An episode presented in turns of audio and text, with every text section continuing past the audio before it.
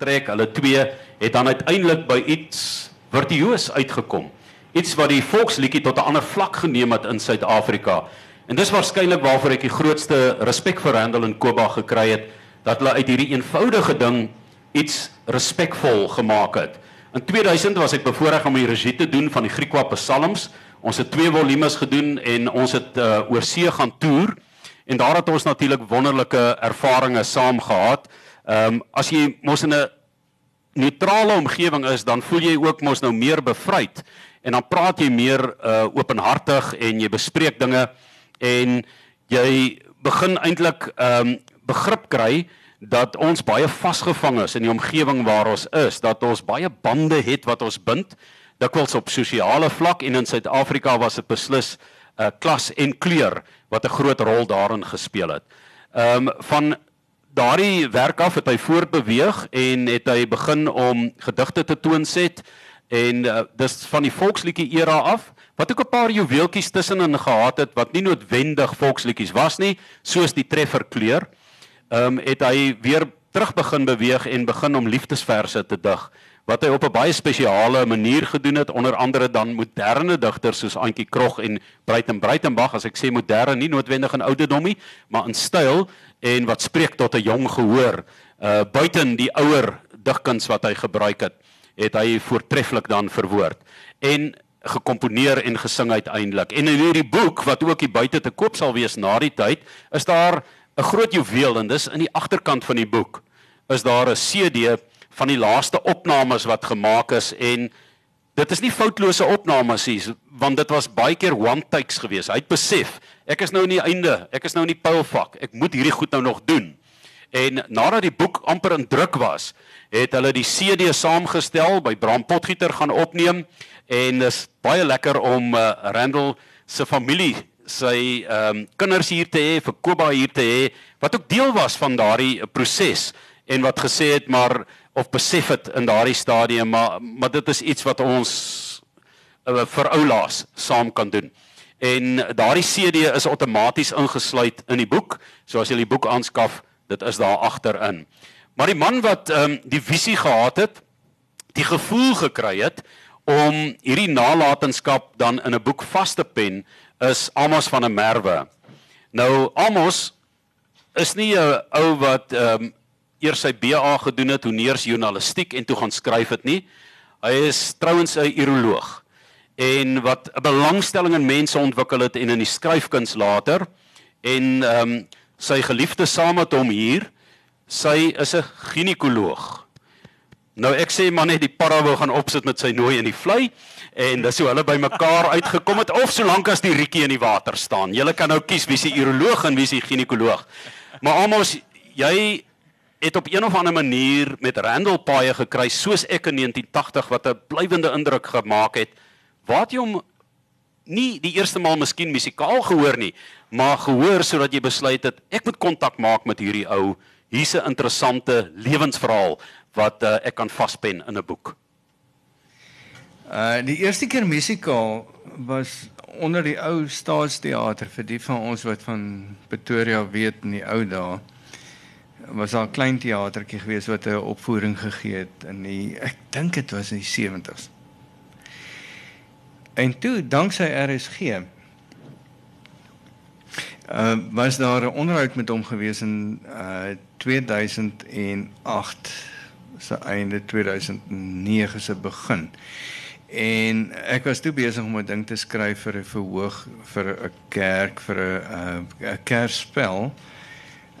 En ek het gedink dat jy weet die gewone ouens in Mosselbaai gaan nou nie regtig waar ehm um, die die talent hê om regtig geld in te bring vir die vir die vir die behoeftes wat daar is in die gemeenskap nie. En toe sal 'n onderhoud ek ry tussen George en Mosselbaai en ek dink jy het die onderhoud gevoer as ek reg onthou van uh met Randall en ek dink dan hoekom Hoekom kontak as nie die ou en vra of hy nie wil deel wees van hierdie ding nie? En so is Kruispad gebore. Kruispad is 2009 opgevoer. Daai tyd eh, nou met die dollar is dit anderste is daar 75000 rand ingewin vir 'n maatskaplike diens En Randall kom bly by my aan aan huis en ek dog toe maar hierdie man het 'n storie. Maar dit is rooiwyn, rustig, ons gesels. Ek luister na die humor want hy kon ongelooflik humor vertel. Hy hy hy het hierdie hierdie insidente wat hy net so kan afrol van die tong af wat een ding na die ander en dit snaaks en dit is oulik en dit is pikant en ek dink toe nou maar kom skryf dit neer. En dis hoe dit begin het. Maar soos wat die storie gevorder het oor die 6 jaar wat dit geneem het, het dinge verander. Uh verhoudings het verander in sy lewe, sy gesondheid het verander in sy lewe, die politiek het verander in sy lewe. En van hierdie humoristiese, lighartige mm oulike storie het dit 'n storie geword van ons land. Van wie is ek?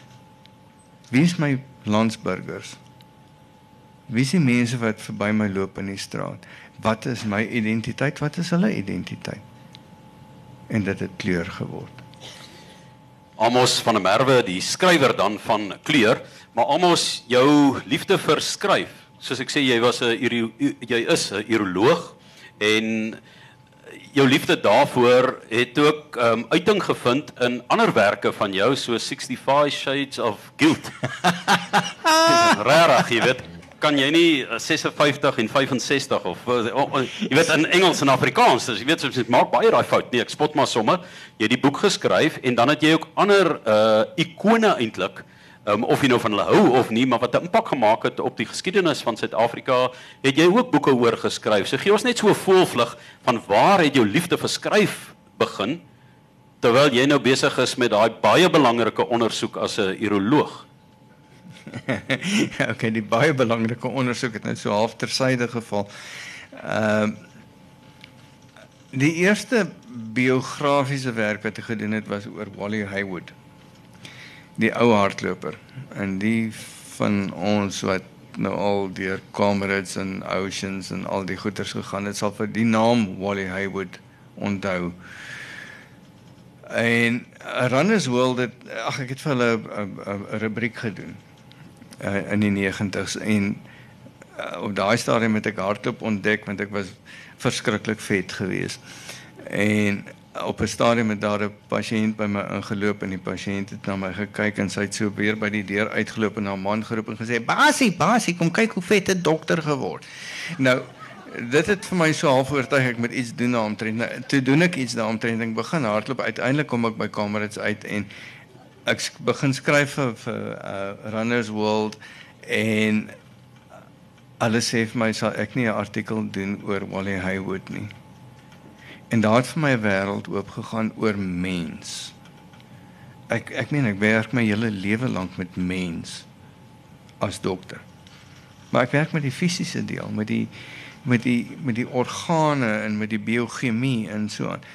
En Wally Haywood was op daai stadium het so klein bietjie Alzheimer al gehad. Hy het so verhouding gehad met sy grandfather's klok wat in die voorhuis gestaan het wat vir hom verskriklik baie beteken het. Almos het hy vergeet hoe lank is 'n kamerits. Dis hoekom hy het gehardloop het.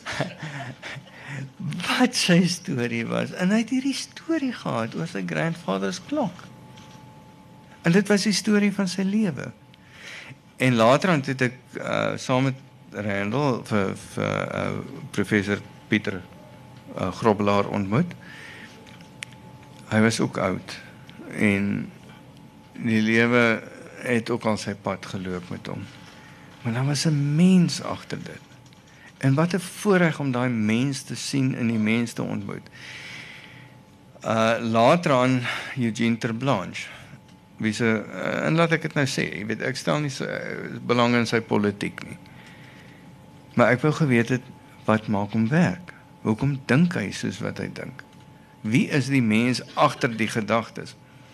En later aan Randall Wickham. Twee totale verskillende persone ten opsigte van politiek en ten opsigte van kleur, ten opsigte van so baie dinge. Maar albei mense wat gesoek het na hulle identiteit, wie is ek? Waar waar hoort ek in? So die voorreg om in daai mense se se se skoene in te klim en regtig hulle gedagtes te begin verstaan. So dit gaan oor konteks. As ons en en dis miskien die boodskap van kleur, dis die boodskap van die boek. As jy die mens wat praat in konteks kan verstaan. Moenie net luister na sy woorde nie. Kyk na sy konteks. Dan mag jy verskil van hom. Jy mag sê ek dink nie wat hierdie man dink en sê is 100% reg nie. Maar ek verstaan waarvan dan af hy kom. En ek dink die storie van kleur is konteks. En dit het gebore geraak uit 'n reeks onderhoude en dinge wat ek gedoen het in die lewe en dit was 'n voorreg.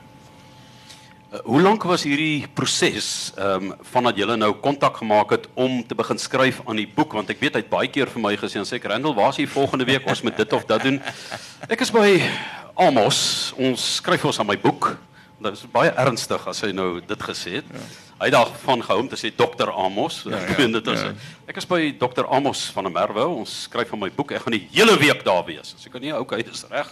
Ek het maar net gevra en dan is hy die week daar. So julle het baie intieme ure saam kon beleef waar hy hierdie goed gedeel het soos jy sê wonderlike staaltjies maar wat dan dan ook die vernis uiteindelik afgestroop is van staaltjies sosiaal soos wat ons verkeer hier niemand ken nie ander se hartseer om hulle noodwendig nie waar jy dit moes afskil vir of hy dit vir jou toegelaat het om te doen. Dit moes 'n baie spesiale proses gewees het.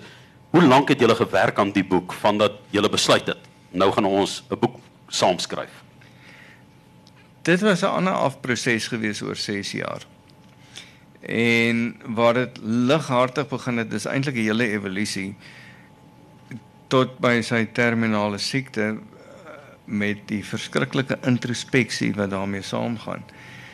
Uh was dit kom ons noem dit in Chinese terme 'n 'n interesting journey. Jy weet daai ding, daai die grootste vloek wat jy vir iemand kan gee, mag jy 'n interessante lewe hê. Uh so dit was baie diep op geleenthede en ander kere kon ons lag en kon ons gesels kon ons oppervlakkig wees. Maar hoe verder ons in hierdie boek ingedaal het hoe slegter sy gesondheid geword het hoe meer sy verhoudingslewe vertroebel het met 'n verskeidenheid van situasies hoe meer het ons by die waarheid uitgekom. Wie is hy regtig? Want dit was 'n soeke van identiteit van die begin af uh, hy het dit miskien nie besef 6 jaar terug dat dit 'n soeke na identiteit is in 'n uh, 'n statement te maak en te sê ek is wie ek is met my foute. En as ek mag sal ek net gou-gou hier so uh, oomblik sydelings beweeg. Ek het die boek geskryf in die eerste persoon. Uh baie spesifiek. Uh, ek het Eugene Terblanche se boek ook geskryf in die eerste persoon want die skrywer mag nie kommentaar lewer oor 'n autobiografie bio, biografie nie wat my betref. Uh ander ouens mag anders te voel.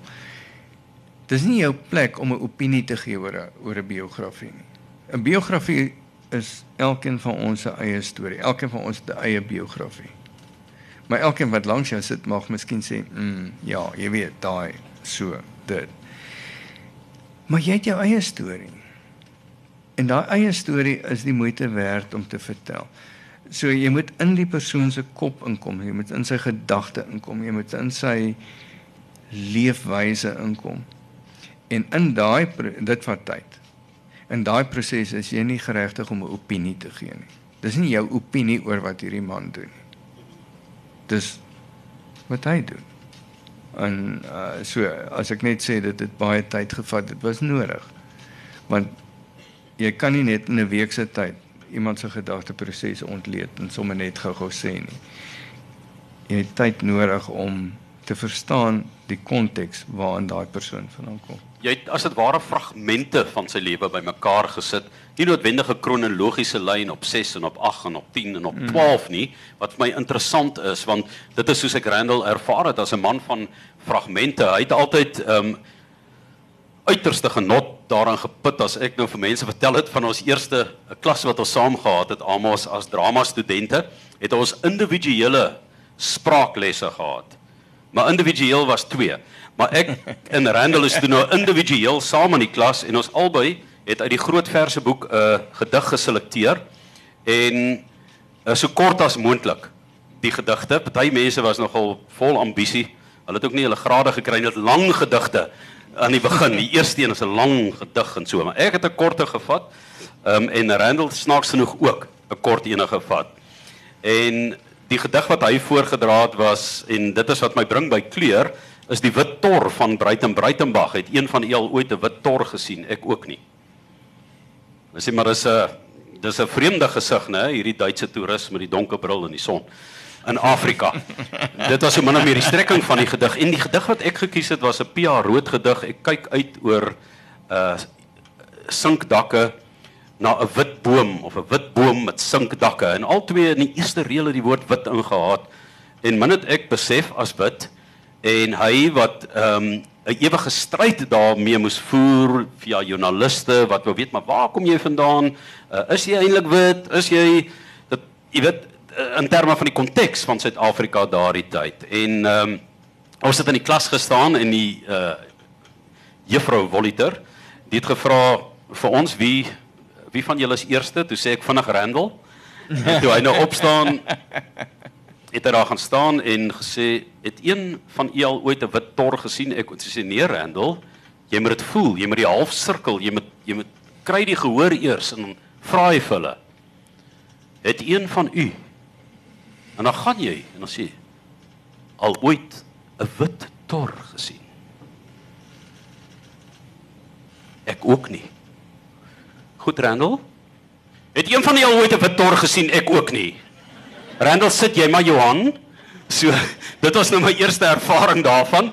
En ehm um, hierdie wonderlike ervaring om die woord wit te kon gehad het in beide die eerste strofe in die eerste reëls van die eerste strofe van ons gedigte het my later jare eintlik aan die hart gegryp en jy het van professor Pieter Grobbelaar gepraat in 'n stadium toe Randall en Koba die volksliedjie na 'n volgende vlak geneem het. Het daar mense gekom van buite af wat gesê het maar hulle wil dit nou doen in die klassieke styl soos Mimi Koortse nou dit doen Maar dit sou nie toeganklik gewees het vir die volk noodwendig nie om dit op die top 20 of op die treffersparade te gekry het of Afrikaanse treffers nie. Uh, hoewel dit virtuoos is en skitterend en klassiek en magnifiek, is dit 'n genre vir 'n spesifieke gehoor. En hy het dit verbreed na 'n uh, 'n uh, 'n breër gehoor toe, maar so het die mense gesê maar hulle wil ook 'n kans hê en Johan stem dit nie noot vir noot nie. Die klassieke Johan stem het gesê maar kom ons gee vir hulle 'n seisoen ook en ou professor Grobbelaar was omgekrap daaroor want hy het saam met Randall en Koba gewerk. En hy het geweet hy kon hierdie typies gee vir hulle. En die heel eerste sessie wat hulle toe gehad het vertel Dave Williams vir my wat toe uh hy kon glad nie Afrikaans verstaan het nie. Hy het by ehm um, die ateljee in Londen gewerk waar hulle die Beatles opgeneem het. En hy het vir my gesê Johan you know a strange thing happened. Hy het so 'n bietjie Afrikaans gevolg Hy sê the new singers came into the studio and um nou sit hulle aan die glaskas met die address mic wat hulle noem, né? Daai knoppie wat jy druk en hy het vir hulle gesê um julle kan maar begin en hulle het 'n stans ingeneem en ek dink dit is klaar wat hom geplaat want die julle ken ons hoe die opera stans om nou hierdie liedjie te sing en begin met uh, sê men nou oh soetjie sak toe hy net die adres Mike gesê toe hy sê professor Groblaar stop daai aaklige geskree vir hierdie klassiek opgeleide sangers. Maar wat hy wou gehad het was 'n ge gewone mense wat dit gedoen het. En ehm um, toe is Randall en Koba terug by die volksliedjie en ag hulle het 'n paar programme opgeneem maar soos ek sê hy het dit toeganklik gemaak vir 'n breë gehoor. Hy en Koba met die gesofistikeerdheid daarvan En ek dink dit was uh, een van die wonderwerke wat in 20 jaar gebeur het van 1980 tot 2000 en is baie mooi in die boek ook die hoe hy gegaan het en probeer het om audisie by die SAIK te kry, wat gebeur het daar en hoe hy uiteindelik uh, amper 'n jaar later die oproep gekry het uh, nadat hy gedink het alles is verlore, hulle het 'n Engelse groepie gehad wat gesing het en Ehm um, hy hulle het moed opgegee en hoe hulle vir hom gestuur het en hy teruggekom het met die hangskouers en hulle het eers gevra wat sê die SAIK nie. Hulle het geweet dis verby. En toe het Pierre Maree vir hom gesê Randall jy moet begin om in Afrikaans te sing. As 'n groot behoefte vir Afrikaanse musiek. Ons het nie genoeg gesofistikeerde Afrikaanse musiek nie. En dis waar Randall eintlik voet in die deur gekry het om um, om dan ook ehm um, die liedjie na daai vlak te neem. Maar mens moenie die mense wat langs die pad saam met hom gestap het soos ehm um, Adam Small wat hy ook Ooswes tuis Wes baie jare gelede in 'n produksie uh, wat hulle gedoen het in die Baxter verder gevoer het met Ooswes tuis Wes waarvan ek toevallig weer die regie gedoen het vir hom nie. En ehm um, dan jy weet sy aanvoeling vir daardie uh toonsettings van die verse van Adam Small is eintlik fenomenaal as ons vandag daarna gaan luister vir al die liedjie Rejoice wat gaan oor distrik 6 en oor die Christene en die moslems wat saam geleef het daar en hoe die twee uh, groepe na verskillende kerke toe uh, gegaan het en en hoe daardie liedjie aangrypend deur hom en Zenobia Kloppers vertaal is. Maar ook die voorwoord wat deur Arnold Small uh, gedoen is nie baie gesê het nie maar kragtig wat hy daarin gesê het wat ook hier uh, in die boek is. En um, Randall het deur die jare spesiale vriende op gebou as dit ware wat hom ondersteun het in hierdie stryd wat hy gevoer het, die innerlike stryd wat hy moes voer deur Suid-Afrika se oorgange en ehm um, hoe hy dikwels tereg en ten onregte probeer uithaal is deur deur joernaliste wat wou gesê het maar hy het 'n hy het 'n groter storie wat Amos van der Merwe net na verwys het as net Randall se eie privaat lewetjie wat hy probeer lei het, het hy 'n groter storie vir Suid-Afrika gehad wat ek dink nou deurgekom het en is my lekker om uh, om te sien dat Henry Jeffries ook hier is 'n ou vriend wat self gespeel het nê in Kanahiko huis toe. Jy moet dit nie wegsteek nie as 'n amateur. Henry moenie nou nie skaam wees. Jy hoef nie te bloos nie. En maar maar mense wat hierdie die jare Randall se storie gevolg het, Adam Small, Henry Jeffries, daar's talle wat ek kan kan opnoem. Ehm um, hy en uh, professor Jakes Gerwel wat 'n baie nou paadjie geloop het.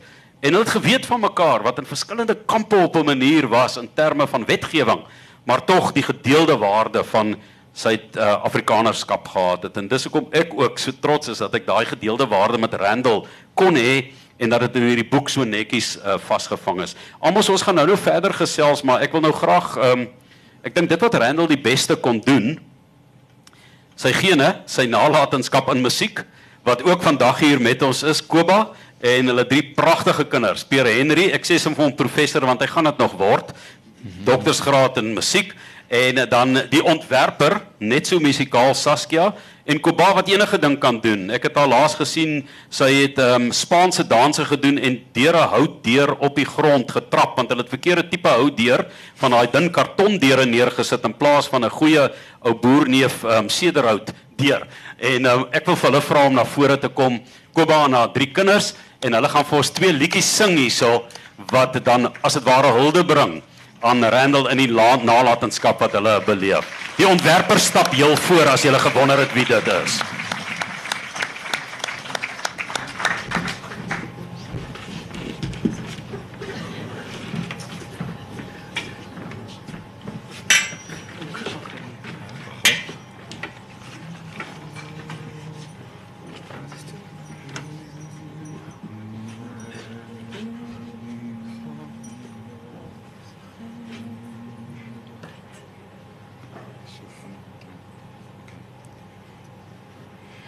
In die nag hou hy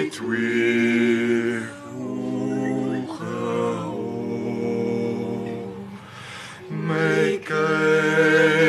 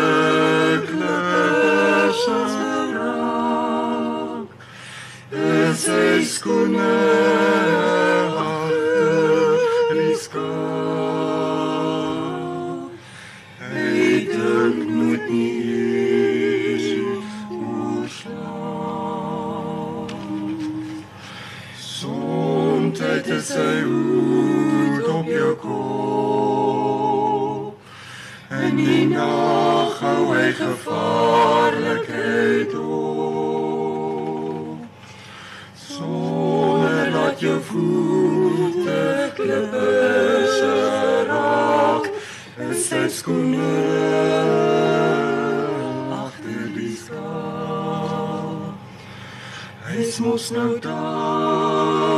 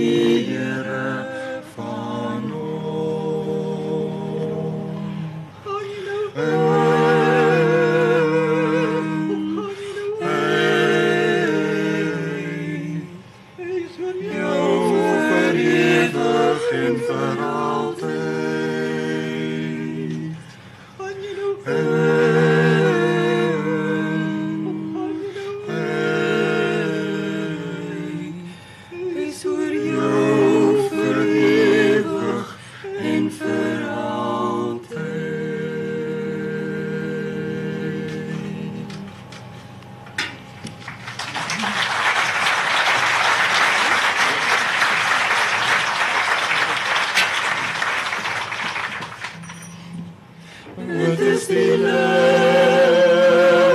op die Vader se vlek. As hy swink in sy vlug om te draai. En swart is die kleur van haar hare. Soos die vlek van 'n wind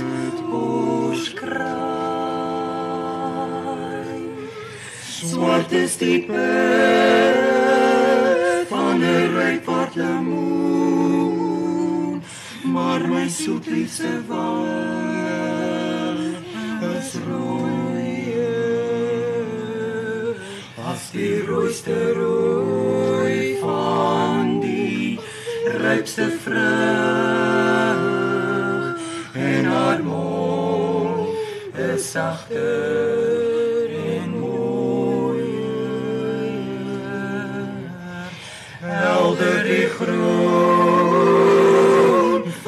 brander se kruin, waar die sonlig dit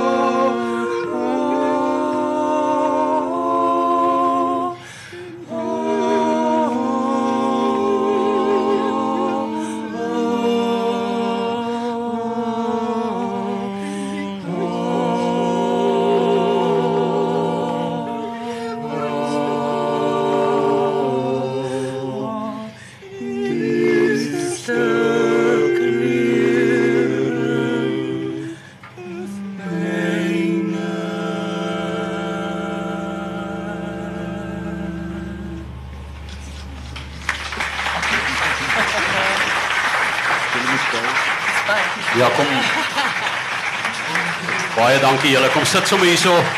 Hier's 'n paar stoele vir julle in gereedheid gebring.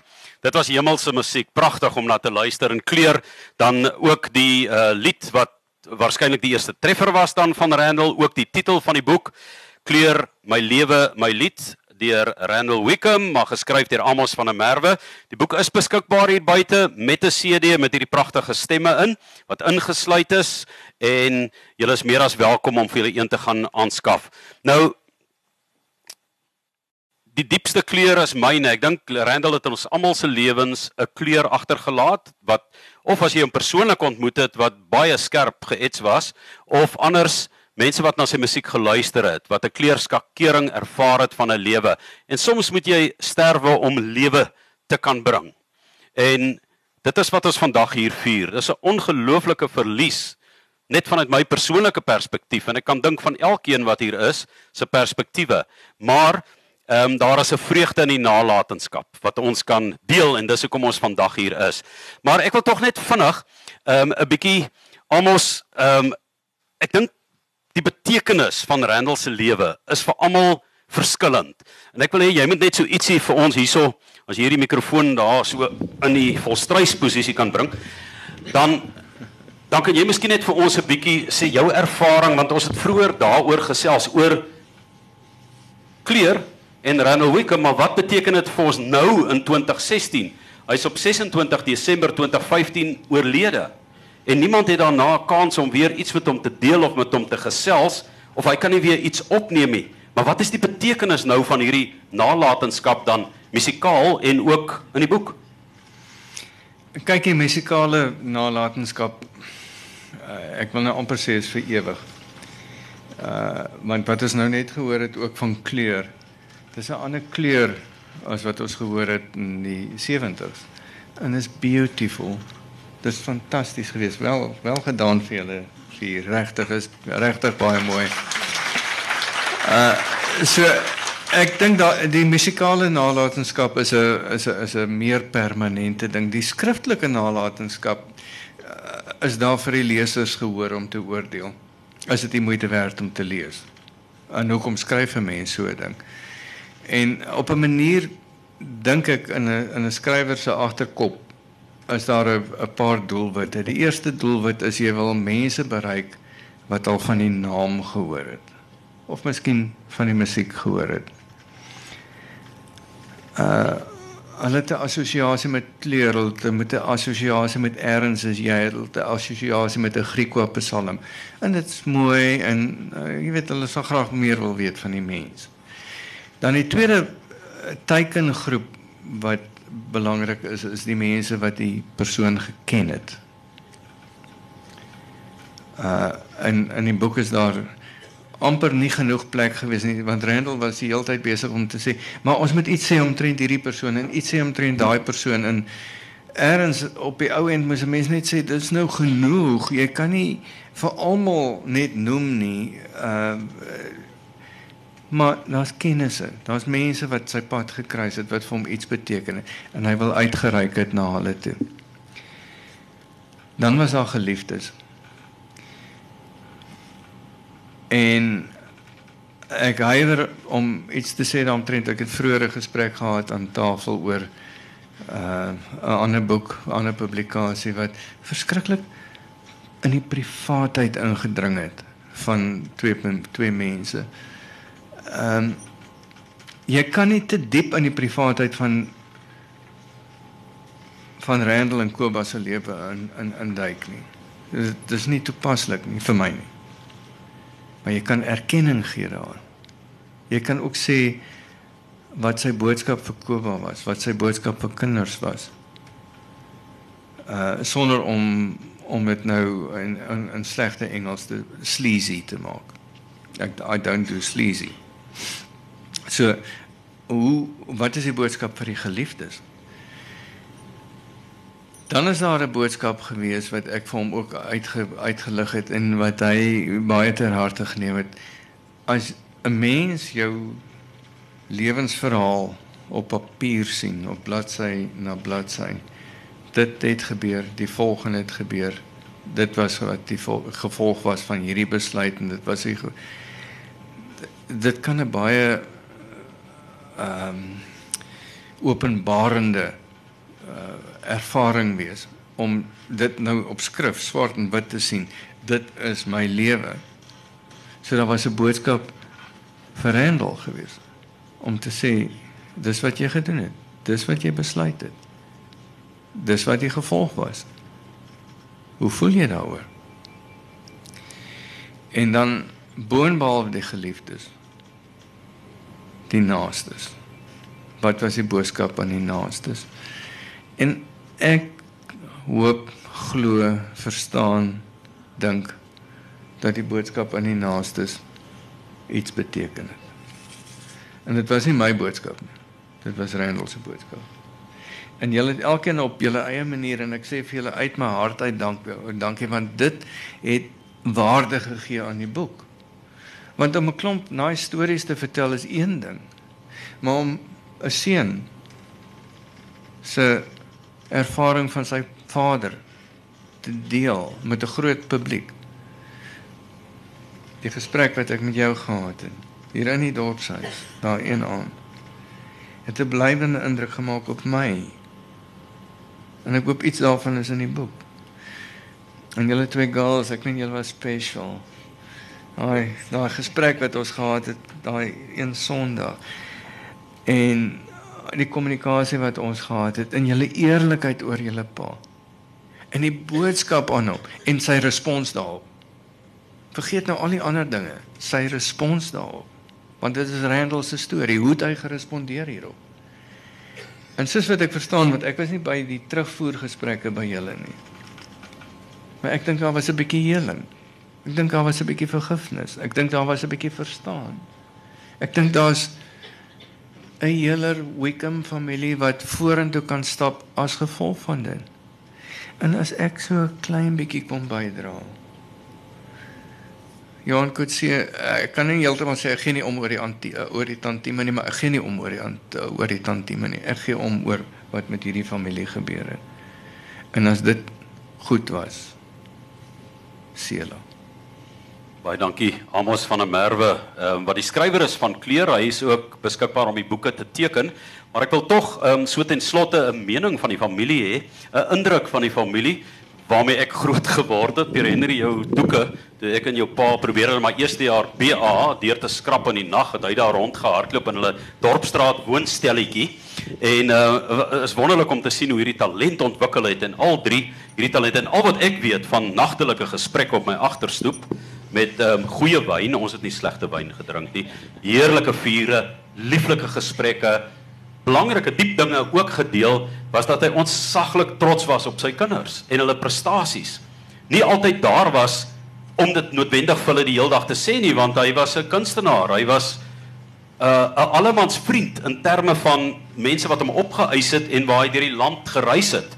En um, hy en Koba het 'n wonderlike taak gehad om hierdie kinders groot te maak terwyl hulle op die kruin van die golf gery het wat hulle musiekloopbaan betref het en deur die land hoeveel konserte gehou het en 'n fantastiese taak gedoen het op 'n sagte manier.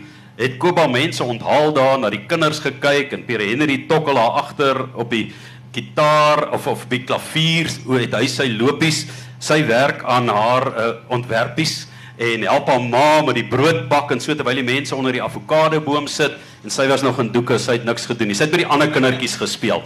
Maar jy wat nou in doeke was, is nie meer in doeke nie. En jy en jou pa het 'n baie spesiale verhouding gehad. Julle het baie koffieklasse saam gehad. Die betekenis nou vir jou daar. Jy weet nou dat 'n mens nie nog 'n verdere gesprek kan hê nie, Koba.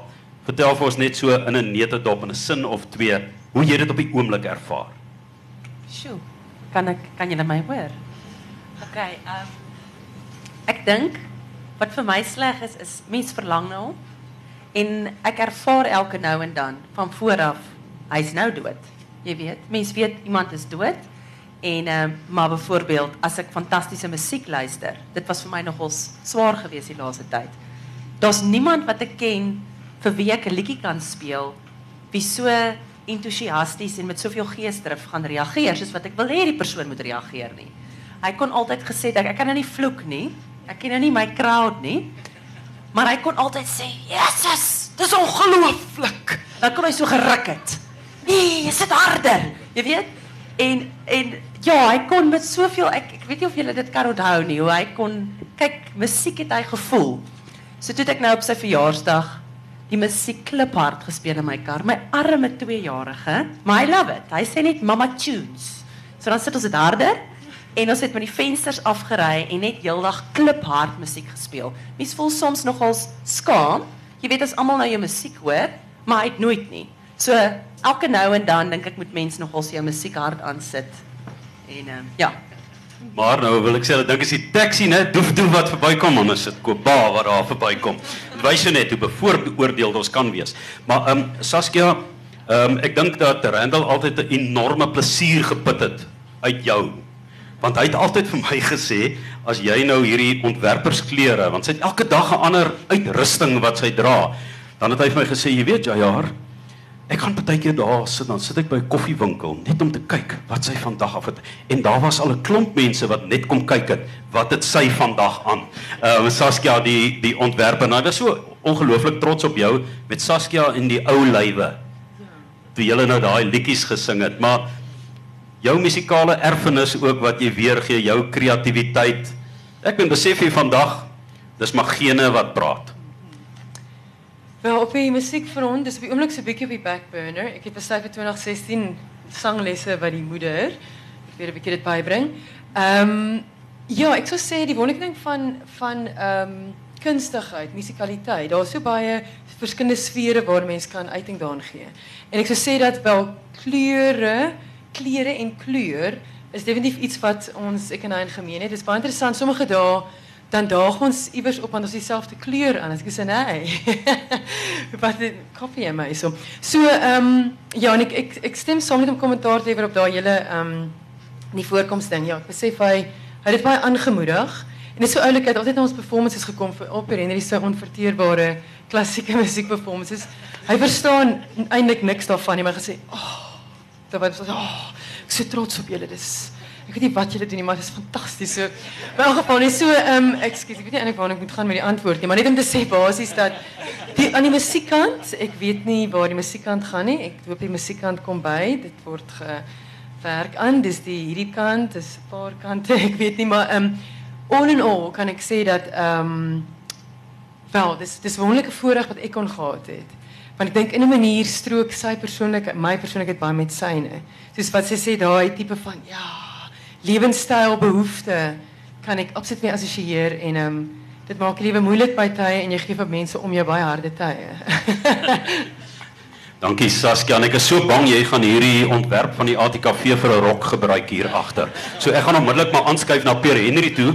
Pierre Henry as hy nou sy musiek opneem, gaan hy nie die volumes verkoop wat Randall verkoop nie. As dit ingewikkeld die musiek wat hy maak, dit is moderne komposisie, maar wanneer hy in die wêreld gaan optree en uh, dikwels na na buitelandse bestemmings reis, dan bied hy vertonings aan waar daar 120 mense sit. Dan sê hy dis 'n reuse gehoor, want dit is, want daardie 120 mense vir wie hy dan sy uitvoerings gee en sy werk tentoonstel, is absoluut 120 top gekwalifiseerde dikwels professors, dokters in musiek in die wêreld. En dit is waarmee ehm um, Pierre Henry hom besig hou met die ernstig is hy van musiek.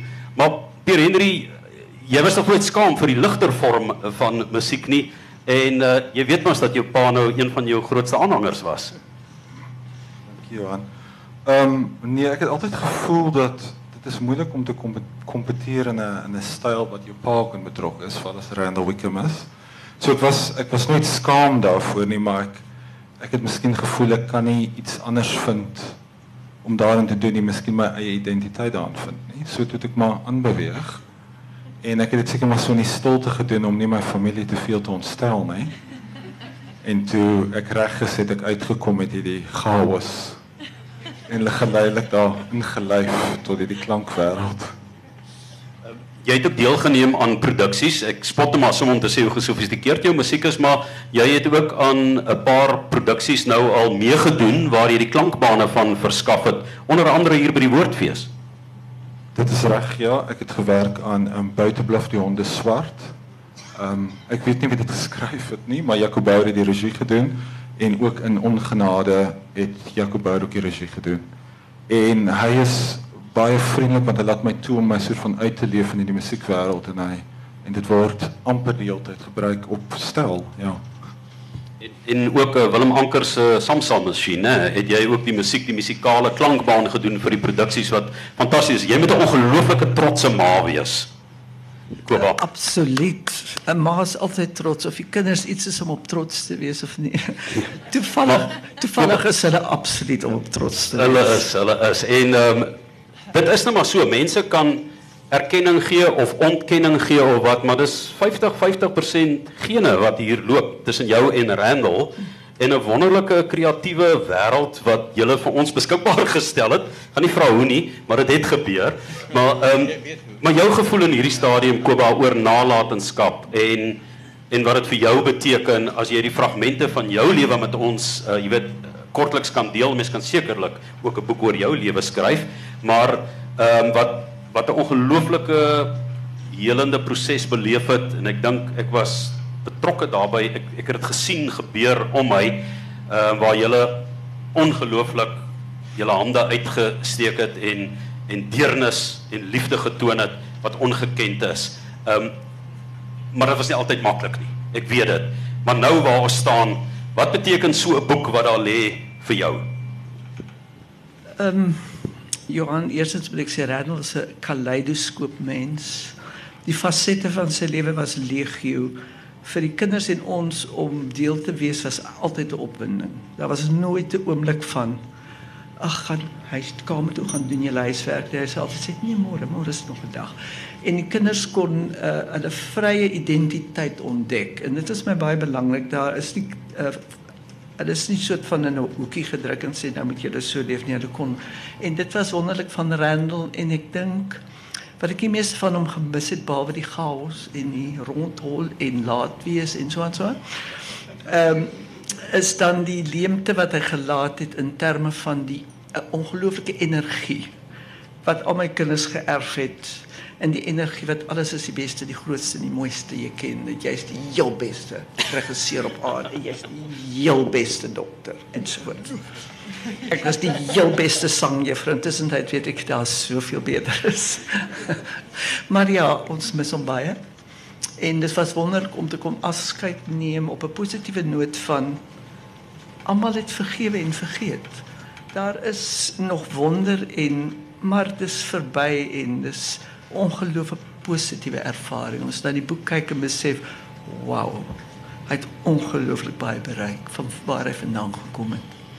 Dankie Kobaan dat jy ook so pad geloop het en ehm um, in Suid-Afrika kan 'n mens trots wees op die uiteindelike resultaat wat gebeur het met die oorgange van Suid-Afrika van uh die demokrasie waarin ons is en waar kleur deur Randall beweeg het en julle as gesin die heeltyd ook maar in daardie tyd 'n tipe van 'n valbuil gehad het. Dit was vir hom een van die grootste bekommernisse is dat julle aan die kortste end sou ry en kennelik het julle nie julle het meer talent as wat die mense wat daai wetgewing ingestel het saam kan hê.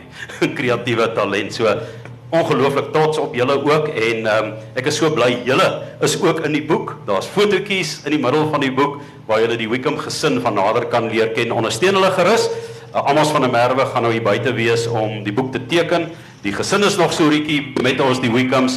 So baie dankie vir julle teenwoordigheid vandag. Dit was 'n besondere voorreg om 'n spesiale vriend met julle te deel en 'n laaste woord van die skrywer wat die laaste woord geskryf het in die boek Amos van der Merwe.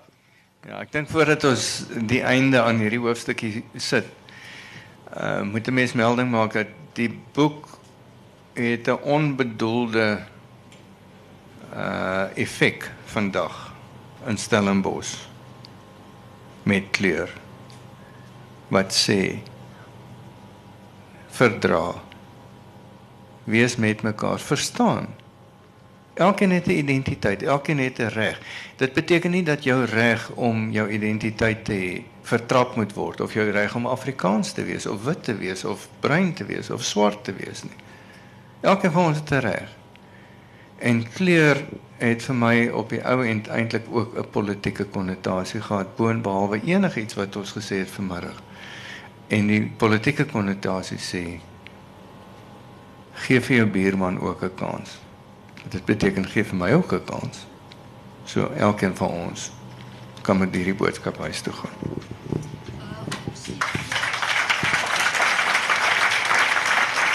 Ons het ook vir julle iets baie spesiaals om 'n herinnering met julle te deel. Een van die liedere wat getoonset is op um, hier waar ek nou skrywe, ehm um, die Antjie Krog gedig is die arend wat Randall besonder lief voor was en ehm, 'n um, vriend van Saskia het 'n animasie gemaak van die video en ehm um, het jy mal hier O, is ongelukkig nog nie hier nie. So ons kan dit nou nie vir julle speel nie, maar julle sal dit later waarskynlik sien. Volgende woordfees.